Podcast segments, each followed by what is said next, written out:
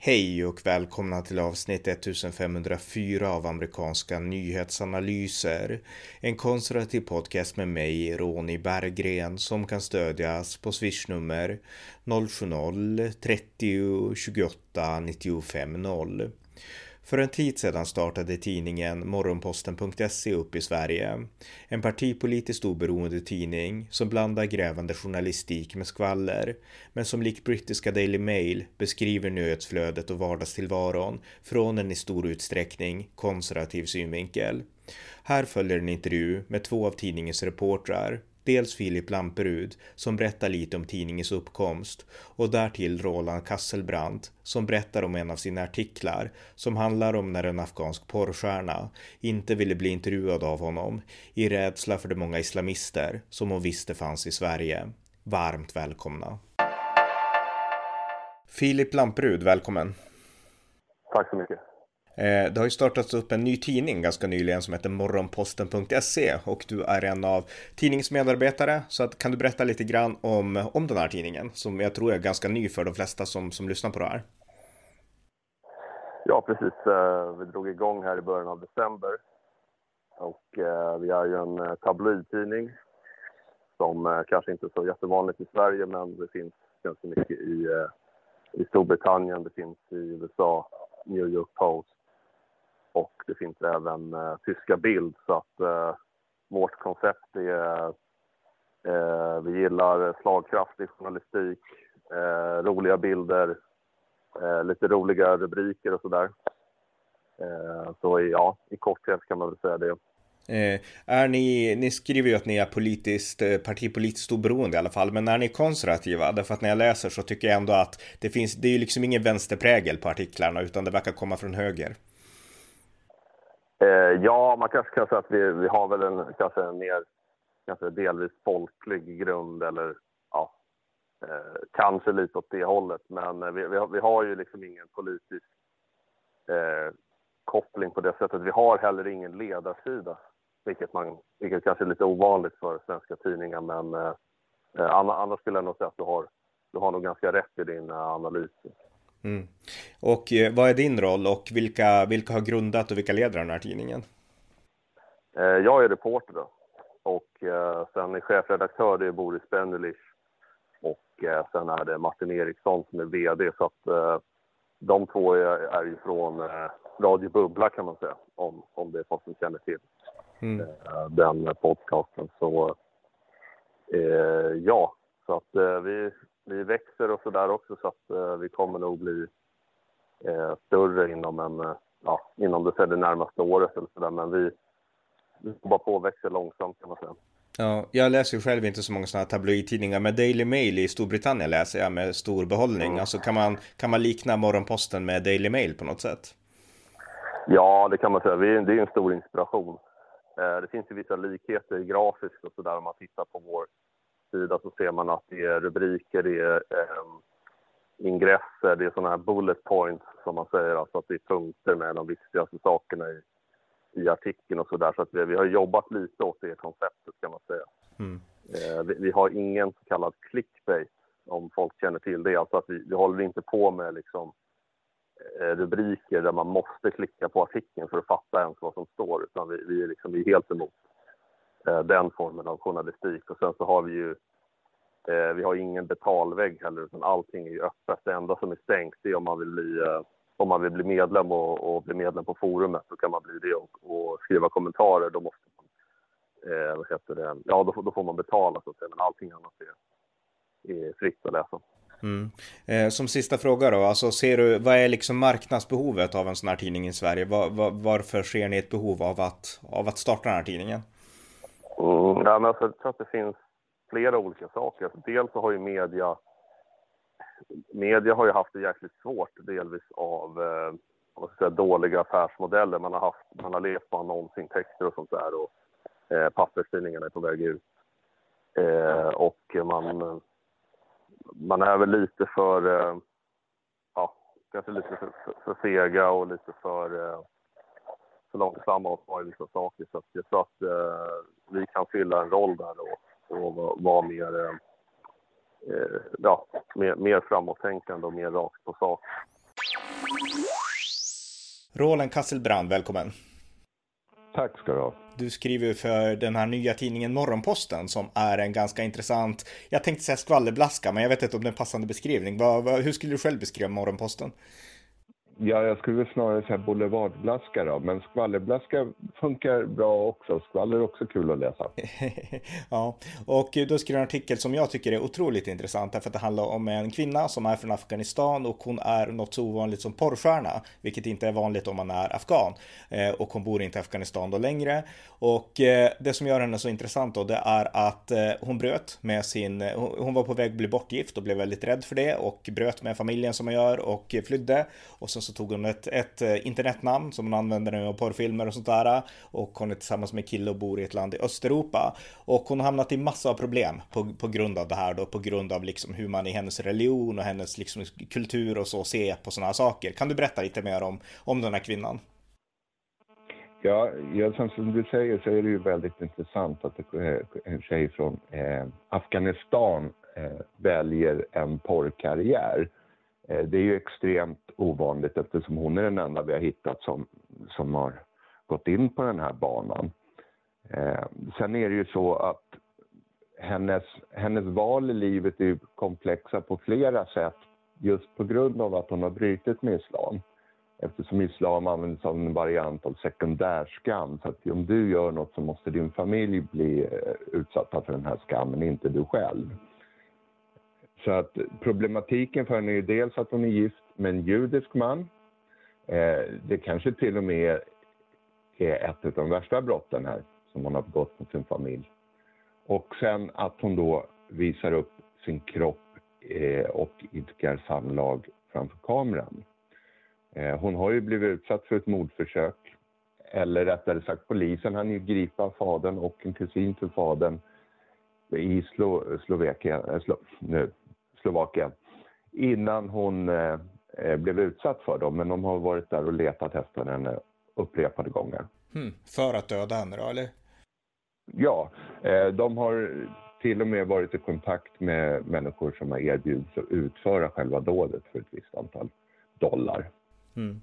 Och det som gjorde den här artikeln så intressant, för jag kan säga, jag säger det här igen då så att ni som lyssnar får, får mm. veta det här, att artikeln finns på morgonposten.se och den heter, det är en väldigt lång rubrik, men jag läser hela, fruktar svenska islamister, vågar inte bli intervjuad av Morgonposten. Afghanistans enda kvinnliga porrstjärna flydde hemland och familj för att slippa gifta sig med en okänd äldre man, försörjer sig nu genom att ha sex med okända äldre män på internet. Eh, ja, det är rubriken, så att ni som vill kan läsa hela artikeln. Men det som jag fann jätteintressant med den här, det är ju just att eh, hon vågade inte bli intervjuad av en svensk journalist, alltså av dig, på grund av att hon hade, ja, hon hade hört så mycket om Sverige. Eh, berätta.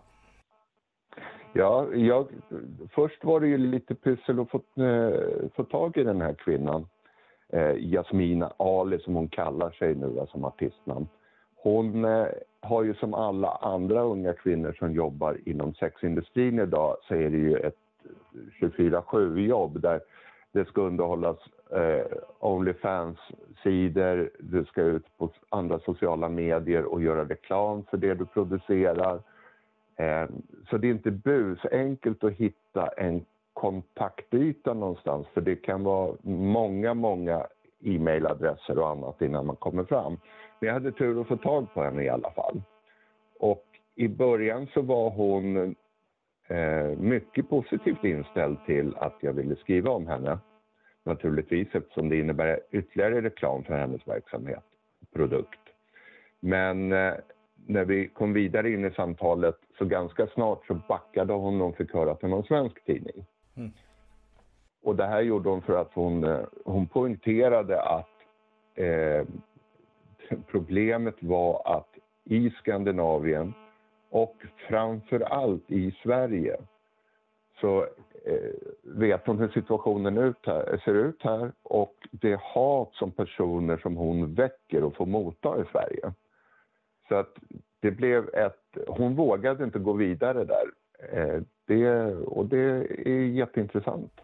Det är extremt intressant ur så många olika aspekter. Jag menar, Sverige är ju ett av de mest sexualliberala länderna i världen, tror vi i alla fall. Och vi har definitivt varit historiskt. Eh, och eh, Eh, ja, vi brukar inte vara rädda, inte för att visa kroppar, inte för liksom sådana saker. Sen är vi väldigt moralistiska också på, på sekulära grunder. Vi gillar inte porr och sånt egentligen av skäl som kanske har mer med feminism att göra än med religion och sådär. Men, men eh, det är ändå rätt intressant, för generellt så brukar man inte vara rädd för sånt här i Sverige. Men hon är det och jag tycker att det säger mycket om tillståndet. För det här är ju liksom, det här måste ju vara ett importerat problem, en importerad hotbild. Jag tror inte att porrstjärnor generellt i Sverige är rädda. Nej, eh, det kan vi nog kanske utgå från att de inte är.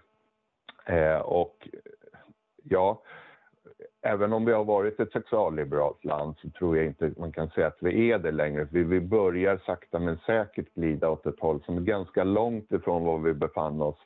Även om diskussionen blev hätsk när Vilgot Sjöman kom med sina Nyfiket gul och Nyfiket blå-filmer en gång i tiden så har vi nu rört oss där problematiken ser annorlunda ut. Vi blir inte upprörda för att eh, kvinnor visar upp sig eller män visar upp sig. Men vi har helt plötsligt blivit oroliga för hur vi ska förhålla oss till om andra människor tar anstöt. Vi har alltså ärvt någon slags sekundärskam som vi inte hade tidigare. Mm, intressant parallell alltså, väldigt, väldigt intressant parallell. Ja. Mm. Eh, så att där, där börjar vi se då, det här är väl jättetydligt eh, tecken på att vi, vi har ett problem som vi inte tidigare har haft.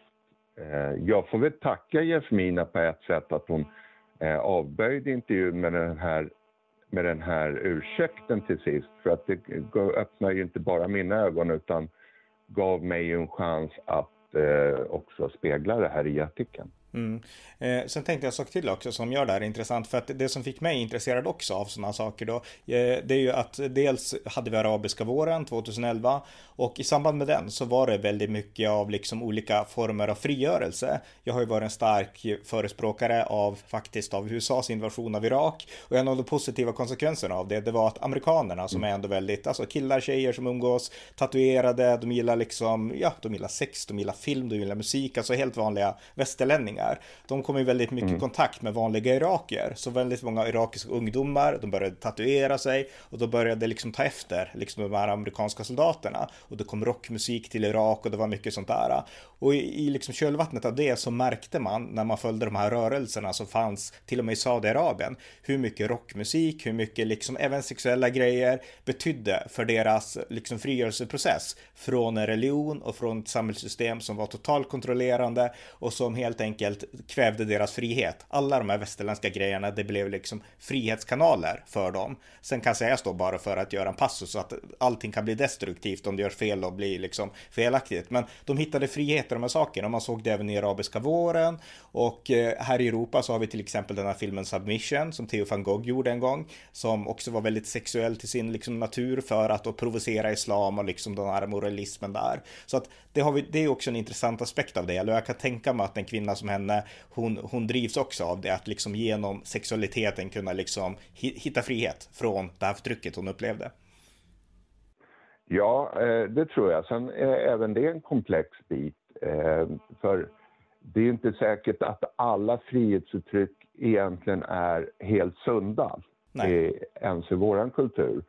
Och ett sätt att se på det är ju det att eh, när jag gjorde research och försökte se vilken typ av pornografi hon faktiskt har eh, ägnat sig åt så, så slår det mig, slog det mig ganska snabbt att om man flyr från att gifta sig med en okänd äldre man och sen ägnar sig åt att eh, sälja sin kropp för att bli filmad när man har sex med okända äldre män. Mm. Eh, då, då, kan man ju faktiskt ställa sig frågan vilken utav kulturyttringarna som är värst. Så att om man drar det i sin förlängning så är det så här att ja, allting i den västerländska populärkulturen kanske inte är sunt och friskt i alla delar. Men jag tror ju att här har vi åtminstone chansen att ångra det vi har gjort. Mm. Eh, du kan ta ett nytag i stort sett när som helst i ditt liv och börja om på ruta ett igen och skapa om dig själv så att säga. Eh, den chansen har inte Jasmina eh, på något som helst sätt eh, i den kultur hon kommer ifrån. Nej, exakt. Och det är väl precis, jag menar jag håller helt med. Jag tror absolut inte att det är liksom positivt eller långsiktigt bra att hålla på med sådana saker. Definitivt inte. Men eh, hela poängen är helt enkelt just friheten att kunna göra det. Det blir liksom ett, ett sätt att bryta med det gamla och eh, kunna göra det utan alltså ut, eh, utsättas för fara. Det är liksom det som är grejen, att det här är så skamligt ja. i deras kultur att nu måste hon dö. Och det är det vi vänder oss emot. Det betyder inte att vi bejakar vare sig liksom porr eller droganvändning eller något sånt där alls. Självklart inte. Jag jag gör inte det. Men just den här frihetsgrejen och den här konsekvensen av att hon gör så, att det är så drakoniska konsekvenser. Det är ju det som, det är det man står upp för, liksom hennes rätt att vara sig själv mot ett yttre förtryck. Det är det det handlar om liksom. Ja, och sen har vi det finns ju komplexitet i alla ändar av det här. Det är det som gör det så fruktansvärt intressant eh, när det blir sådana här eh, kulturella klascher. Så där två kulturer krockar så fullständigt med varandra som det faktiskt gör i det här eh, sammanhanget med en eh, sekulär eller kristen kultur, västerländsk kristen kultur och den islamiska kulturen. Därför att vi har ju även den aspekten att vi ser ett väldigt nära samarbete idag mellan eh, extremfeminismen i väst och eh, som gärna tar, slår ett slag för den islamiska kulturen och muslimer i vad jag tror är ren okunskap om att de bara är nyttiga idioter tills vidare. Mm. Det, det, de kommer inte alls att vara hjältinnor i muslimernas ögon den dagen muslimerna bestämmer.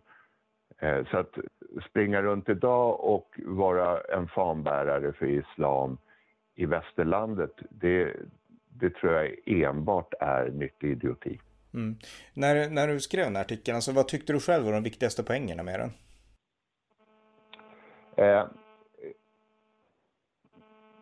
det jag hoppas att jag fick fram och det som jag tyckte att var väldigt intressant med det här ärendet, eller det här ämnet, var just att den här kulturella aspekten som jag var inne på nyss. Att det hon rymmer ifrån och det hon hamnar i är inte så långt ifrån varandra egentligen. Eh, och sen hoppas att läsaren själv funderar lite av vad som händer när, när de här två olika kulturerna möts och på vilka sätt de egentligen skiljer sig åt. Mm. För det du säger med frihet är ju kanske nu om någonsin så är det väl viktigare än kanske på väldigt, väldigt länge för oss att börja fundera på vad frihet är, hur vi vill att den ska se ut och vi har ju sett många tendenser under vår covidresa de senaste åren att frihet inte är en självklarhet mm. och att det är något som kan tas ifrån oss ganska mycket enklare än vad vi kanske har trott. Ja. Eh, ja, precis. Men jag rekommenderar alla att läsa den här och jag tycker återigen att det intressanta här, även om det finns otroligt många aspekter, det var liksom att hon var rädd för att synas i Sverige på grund av att det finns så många islamister här. Det säger mycket om vårt land. Ja, det gör det definitivt. Ja. ja, men tack så mycket för att du ville vara med och berätta om det här. Tack. Det var avsnitt 1504 av amerikanska nyhetsanalyser. En konservativ podcast som kan stödjas på swishnummer 070-30 28 95 0 eller via hemsidan på Paypal, Patreon eller bankkonto. Det var allt för idag. Tack för att ni har lyssnat.